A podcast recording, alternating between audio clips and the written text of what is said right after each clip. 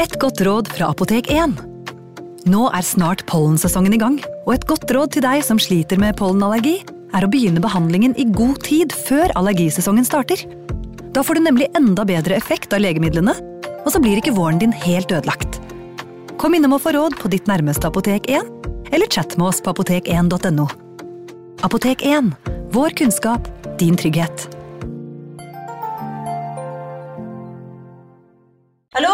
Jeg kommer fra Oslo politikammer. Ine Jansen er purk. Er du purk? The motherfucking bitch. Alt jeg vil, er å finne ut hva som skjedde med mannen min. Jon Carew. Er jeg sikta for noe? Iben Akeli. Det er du. Ole So, Lars Berrum og Big Daddy Karsten. Hvem sin side er du på, egentlig? Anette Hoff, Tone Danielsen, Kommer du fra Afrika? Jørnis Josef, Nesten kløfta. Trond Espen Seim, Det er synd å si det, men det var feil mann som døde. Purk. Premiere tirsdag på TV2 Play. Ungsamtalen fra DNB er økonomisk veiledning tilpasset deg som er ung. Bokk en ungsamtale på dnb.no. slash ung. Det er kjempebra hvis du skal inn på boligmarkedet, hvis det er drømmen din, liksom. Det er det du skulle sagt. Og så kunne du ropt litt mer, da, sånn som jeg gjorde. Bam! Advarsel. Historiene vi forteller i denne podkasten kan være fiktive og avvike fra den opprinnelige historien av dramaturgiske årsaker. Meninger og påstander i historiene reflekterer nødvendigvis ikke programledernes meninger eller virkeligheten.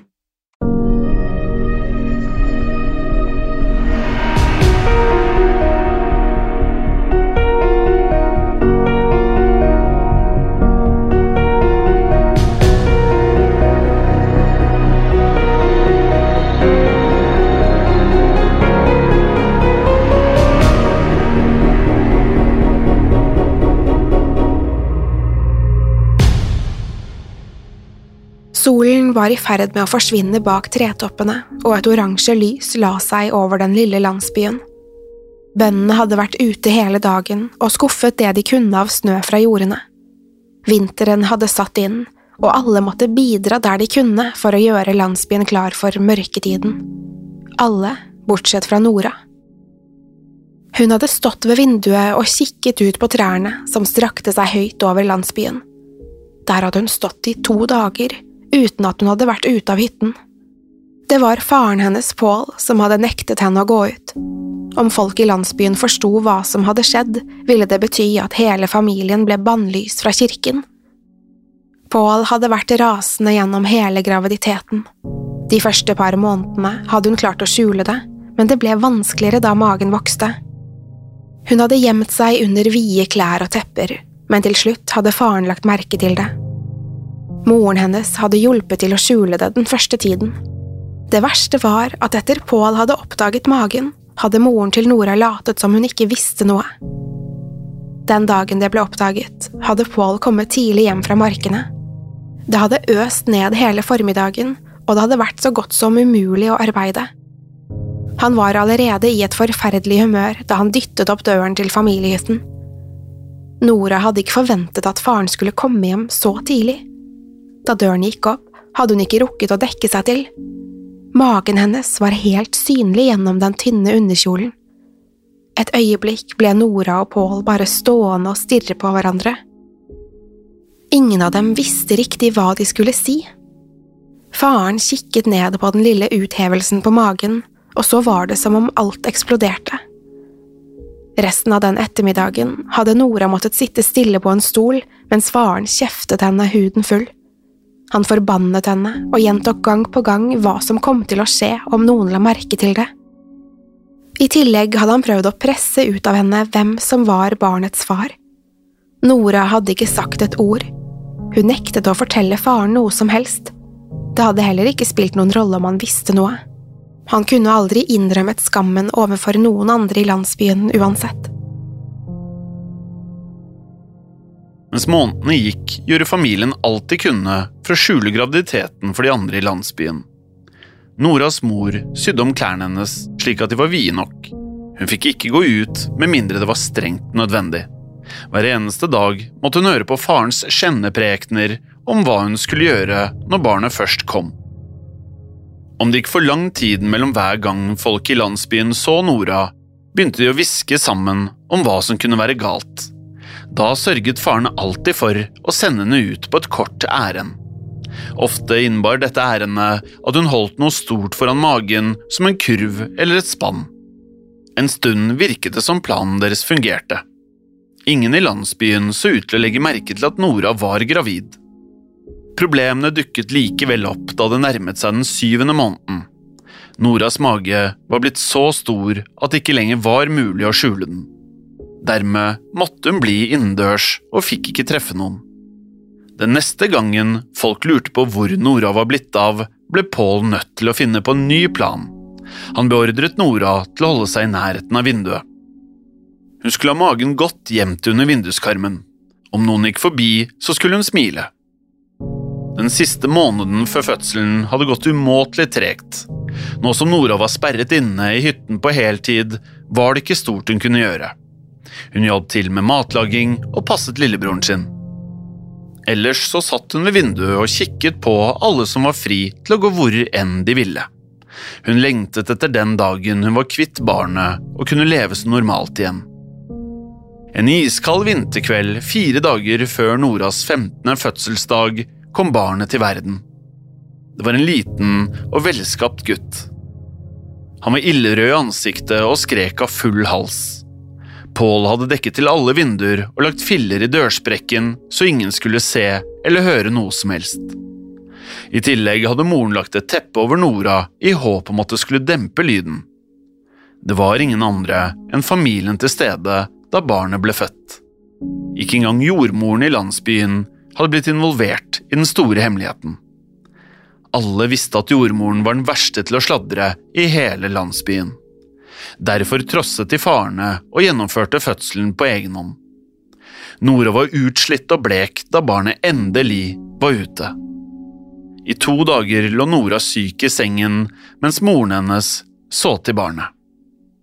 På den tredje dagen hadde faren til Nora fått nok av å vente. Da Paul kom hjem den ettermiddagen, beordret han Nora til å ta seg sammen og stå opp. Nora visste bedre enn å motsi faren, og dyttet seg opp i sittende stilling. Smertene var nesten uutholdelige, men hun turte ikke å vise det. Paul så alvorlig på Nora og ba henne reise seg. Hun gjorde slik hun hadde fått beskjed om, men så snart Nora var oppe, sviktet bena hennes. Hun kollapset på det iskalde tregulvet og lå hulket stille i smerte. Hvor enn mye han hatet datteren for hva hun hadde gjort, klarte ikke Paul å se henne slik. Han ble taus og gikk og satte seg på en stol ved peisen med hodet i hendene. Moren hjalp Nora opp og fikk henne tilbake i sengen. Først da så faren opp fra hendene. Så sa han med den mildeste stemmen han kunne frembringe, at Nora skulle få to dager på seg. Etter det var hun nødt til å gjennomføre planen. En tåre trillet nedover Noras kinn mens hun nikket. Den første dagen klarte Nora å gå fra sengen til spisebordet og tilbake. Da kvelden kom, hadde hun beveget seg bort til vinduet. Her ble hun stående taus mens hun stirret ut i mørket. Det ble ikke sagt stort den dagen. Familien spiste middag sammen mens det nyfødte barnet lå på gulvet, innrullet i filler. Ingen klarte helt å se på den lille gutten, bortsett fra når han trengte noe. Barnet hadde ikke skreket siden det ble født. Det var som gutten visste hva som kom til å skje med ham, og ville ikke bruke krefter den lille tiden han hadde igjen. Nora satt stille på stolen sin og fikk ikke i seg en eneste bit av middagen. Når sant skulle sies, hadde hun ikke en eneste tanke i hodet. Alt var bare mørke og tåke. Hun hadde sett frem til denne dagen, når hun endelig skulle være fri for byrden. Likevel var det noe som hadde endret seg siden barnet kom. Skammen over hva hun måtte gjøre, gjorde det vanskelig å finne ord. Da hun sto ved vinduet på dag nummer to, kunne hun høre det lille barnet lage små lyder. Hun hadde fremdeles ikke fått seg til å se på det. Nora var livredd for at hun skulle se sønnen sin og innse at hun ikke kom til å klare det. Hva skulle hun ha gjort da? Hun kunne ikke rømme med barnet. Det var milevis til den nærmeste landsbyen, og hun hadde verken klær eller sko for vinteren. Selv hvor mye hun hatet faren sin for det som var i ferd med å skje, kunne hun ikke få seg til å forlate familien. De var alt hun hadde i denne verden. Den tanken fikk henne til å føle at det lille barnet ikke hørte hjemme i denne verden. Da kvelden kom og mørket la seg over landsbyen, sto Nora fremdeles ved vinduet. Hun hadde ikke beveget seg på flere timer. Kroppen hennes var kraftløs og spent på samme tid. Akkurat idet det siste lyset forsvant bak horisonten, kjente hun noen prikke henne på skulderen. Hun snudde seg og så rett inn i øynene på moren sin. I armene holdt hun den lille gutten. For første gang stirret Nora ned på sønnen sin. Han lå rolig i teppet sitt med tungen stikkende ut mellom leppene. Små, mørke hår stakk ut av hodet hans, i sterk kontrast til Noras lyse. Den lille guttens hender grep tak om fillene han var pakket inn i, og han strakk litt på kroppen sin. Nora visste ikke hvor lenge hun sto slik og stirret på barnet. Det kunne ha vært et par sekunder, eller flere timer. Hun reagerte kun da moren hennes løftet barnet mot henne. Nora strakk ut armene og fikk se sønnen sin. Mens hun stirret ned på ham, krøllet han seg sammen i varmen fra henne. Noras mor grep tak i haken hennes og løftet den så blikket deres møttes. Begge var på gråten da moren åpnet munnen for å si noe. Så lukket hun den igjen, like fort som hun hadde åpnet den. De vekslet blikk, og moren ga Nora et lite nikk.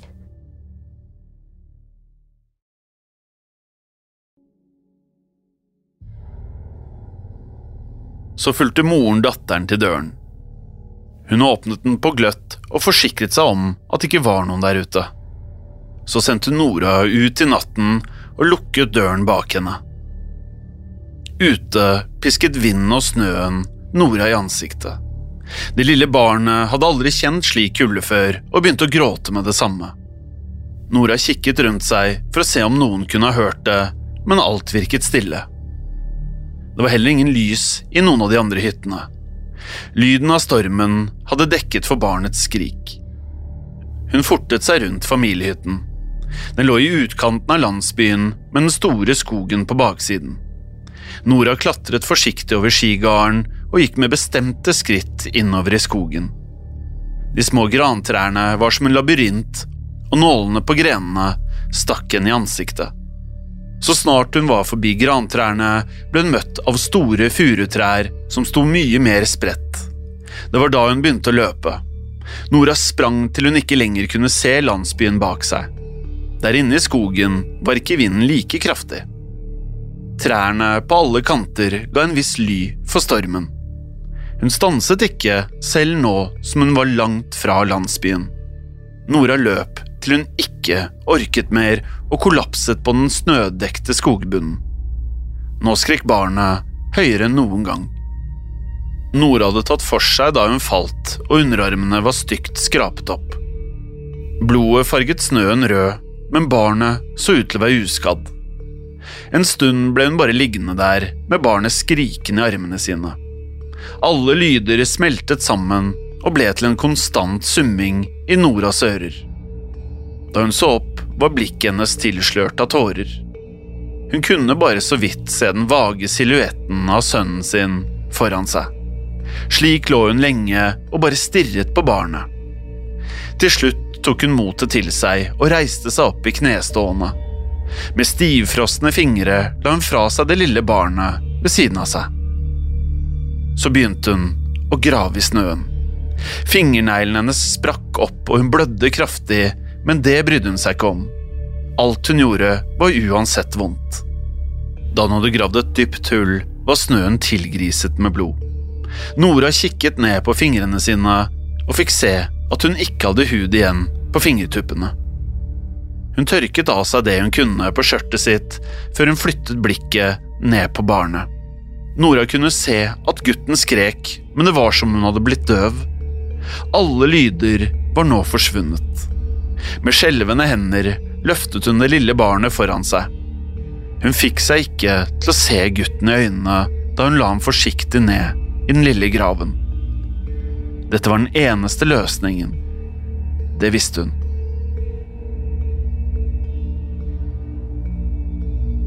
Da hun fant igjen kreftene sine, heiste hun seg opp og begynte på veien hjem. Hadde det ikke vært for sporene hun hadde etterlatt seg, ville hun sannsynligvis gått seg vill. Nå lå de som en sti og vitnet om hva hun hadde gjort. Da hun nådde grantrærne i utkanten av landsbyen, snudde hun seg mot skogen. Plutselig var det som om hun kunne høre fjern barnegråt langt der inne i mørket. Nora frøs til og lyttet, men nå var det blitt stille igjen. Det var kun lyden av vinden som pep i ørene hennes. Hun snudde seg for å gå tilbake til hytten, da lyden av barnegråten plutselig kom tilbake. Denne gangen turte ikke Nora å snu seg, og fortsatte bare å gå. Bak henne steg gråtingen i volum, som om den kom nærmere. Nora satte opp farten og stanset ikke før hun var helt inne i hytten. Den neste morgenen kom ikke Nora seg ut av sengen. Det var som hun hadde mistet viljen til å gjøre noe som helst. Moren hennes forsøkte å få i henne noe mat, men det var nytteløst. Da Paul kom hjem den ettermiddagen, lå Nora fremdeles stille i sengen. Han fikk seg ikke til å se på henne, men prøvde så godt han kunne å holde på en bestemt mine. Dagen etter forløp på nøyaktig samme måte. Nora verken sov eller spiste noe. Hun lå bare for seg selv i sengen og stirret opp i taket. På den tredje dagen hadde hun begynt å hviske stille for seg selv.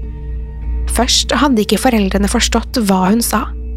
Alt hadde virket som en lang rekke usammenhengende mumling. Det skulle ta nesten en hel uke før de forsto bruddstykker av det hun hvisket. Barnet. Skogen. Begravd i snø. Kaller på meg. Foreldrene forsøkte å prate til henne og ba henne fortelle hva som hadde skjedd, men det var som om hun ikke enset at de var der. Hun bare stirret tomt opp i taket og gjentok ordene. Folk i landsbyen begynte å bli bekymret for hva som foregikk med Nora. De hadde ikke sett henne på mange dager, verken ute eller i vinduet. Da de spurte faren hennes hvor hun var blitt av, svarte han at datteren var blitt syk. De gamle konene tilbød seg å se til henne, men Paul nektet dem adgang. Dagene gikk, og Nora ble ikke noe bedre. Det var tydelig at opplevelsen i skogen hadde gått mer inn på henne enn foreldrene hadde forventet. For hver dag som gikk, ble hun blekere og slappere. Foreldrene klarte fremdeles ikke å få i henne noe mat, og hun ble stadig tynnere. Den vakre datteren deres var nå blitt et skall av et menneske som ikke ville prate med noen. En natt mens familien lå og sov, våknet plutselig Paul av et fryktelig mareritt. Han var våt av svette, og nattskjorten hans klamret seg til huden. I drømmen hadde noen klatret over ham der han lå ytterst i den store sengen som familien delte. Han hadde ikke kunnet se hva det var, men det hadde gått på alle fire og kravlet innover mot Nora. Paul satte føttene på det iskalde gulvet og la hodene i hendene mens han prøvde å få drømmen ut av hodet. Vinden ulte utenfor døren, men i hytten var det helt stille. Det eneste han kunne høre, var Nora som hvisket for seg selv. Han var blitt vant til det nå og lot henne holde på. Paul reiste seg og gikk bort til vannbøtten som sto like ved døren. Der grep han tak i den store øsen og fylte den med vann. Han helte i seg en slurk før han snudde seg for å gå tilbake. Idet han kikket bort mot sengen, frøs han til. Noe beveget seg under sengeteppene der Nora lå og mumlet stille. Paul nærmet seg forsiktig samtidig som han grep en fyrstikk fra toppen av peisen. Så strøk han mot veggen. Den blusset opp og fylte rommet med en oransje glød. Det var ikke tvil om at noe kravlet under sengeteppet på Noras bryst. Med skjelvende hender trakk han sengeteppet til side og blottla det som gjemte seg under. Da han fikk se det, falt han bakover i ren frykt og forferdelse. På Noras bryst lå det et lite spedbarn, bare at det ikke lignet noe barn han noen gang hadde sett. Huden dens var lilla, som den var tappet for oksygen. Den var oppsprukket og tørr og hadde frostskader over hele kroppen. Skapningens lepper var trukket tilbake og blottla to rader med sylskarpe tenner. Ansiktet så ut til å ha revnet fra haken og helt til pannen og Paul kunne se nesebenet og deler av skallen. På de små, stutte fingrene hadde barnet lange, skarpe klør som boret seg inn i Noras bryst. De store, bulende øynene var blodsprengte som på et underutviklet foster. Ørene var oppsvulmede og deformerte som et lik som hadde ligget lenge i vann. Ut av den åpne munnen hang det en lang, svart tunge som pulserte i lyset fra fyrstikken. Idet lyset traff den, vrengte den hodet mot Paul og snerret som et vilt dyr. Paul krabbet bakover uten å ta blikket fra den groteske skapningen foran ham. Han kom seg på benene og grep tak i en stol. Så holdt han den opp som et skjold foran seg mens han nærmet seg vesenet i sengen. Oppstyret vekket resten av familien, som kom seg ut av sengen. Alle utenom Nora, som fremdeles lå urørlig med skapningen på brystet. Moren skrek høyt, og Noras lillebror begynte å gråte. Fra de andre hyttene kunne alle i landsbyen høre skrikene og spetakkelet. Samtlige våknet og lyttet til de grusomme lydene. Så kledde de på seg så fort de kunne og spurtet ut i mørket. Noen hadde fakler, mens andre hadde funnet frem jaktknivene sine. Da de samlet seg midt i landsbyen, forsto de straks hvilken hytte lydene kom fra. De modigste av landsbybeboerne grep det de kunne av våpen og hastet bort til hytten. Der innefra kom det fremdeles grusomme lyder og hyl. Uten å tenke seg om rev landsbybeboerne opp døren og styrtet inn i hytten med våpnene hevet. Akkurat idet de hadde tatt i håndtaket, var det som lydene var blitt avbrutt. Da de kom inn, ble de møtt av en tørgende stillhet. Hytten var mørklagt, men i lyset fra faklene kunne landsbybeboerne se det grusomme som hadde foregått. Samtlige familiemedlemmer var blitt revet i filler. Faren i huset satt med ryggen mot veggen, nærmest døren. Blodet strømmet fra utallige kutt i kroppen hans, og halsen så ut til å være bitt over av noe med sylskarpe tenner. Innerst i sengen lå Nora med øynene åpne og munnen på vidt gap. Av alle i familien var det hennes lik som var i best forfatning. Det eneste landsbybeboerne kunne finne, var fem små stikksår under det venstre kragebenet hennes. Ingen sov i den lille landsbyen den natten. Flere sto på vakt ved gjerdene, mens de eldste kvinnene undersøkte hvert av likene nøye. Da morgenen kom uten at det hadde vært flere angrep, samlet landsbyen seg til et allmøte. Teoriene haglet om hva slags udyr som kunne stå bak drapene. Noen mente det måtte ha vært en bjørn, mens andre påsto at kun en ulv kunne kommet seg inn i hytten. Til slutt ble landsbyens eldste og klokeste kvinne bedt om å gi sin vurdering. Den gamle konen reiste seg sakte.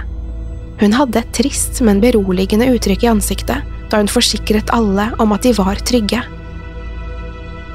Alle ropte og skrek at det umulig kunne være trygt. Om noe kunne angripe en familie på den måten midt på natten, så kunne hvem som helst bli den neste. Den gamle kvinnen ristet bare rolig på hodet før hun fortalte hva hun mente hadde skjedd. Hun sa at angriperen måtte ha vært et utbyrd. Folk så forvirret på hverandre og spurte hva hun mente med det. Kvinnen trakk pusten før hun sa at utbyrdet var sjelen til et uønsket barn. Den var forvridd og ødelagt etter å ha blitt sviktet av moren sin. Plutselig forsto landsbybeboerne hvorfor Nora hadde oppført seg så merkelig i lang tid. De skjønte nå at Nora hadde vært gravid, og at hun var blitt tvunget til å sette barnet sitt ut i skogen. Den gamle kvinnen forklarte at utbyrdet fikk det det var kommet for. Utbyrdet hadde tømt Nora for livskraft over lang tid. Nå hadde det fått sin hevn for sviket og hadde forsvunnet. Familien var utryddet, og moren hadde fått sin straff. Mengden satt stille igjen og lyttet til knitringen av bålet foran seg. Midt blant dem satt en ung, mørkhåret gutt med store, grønne øyne. Han stirret inn i flammene fra bålet og så mer sjokkert ut enn alle de andre. Han visste nemlig at den gamle kvinnen tok feil. Utbyrdet hadde ikke fått hevnen sin helt ennå. Her satt nemlig han som hadde vært det lille barnets far.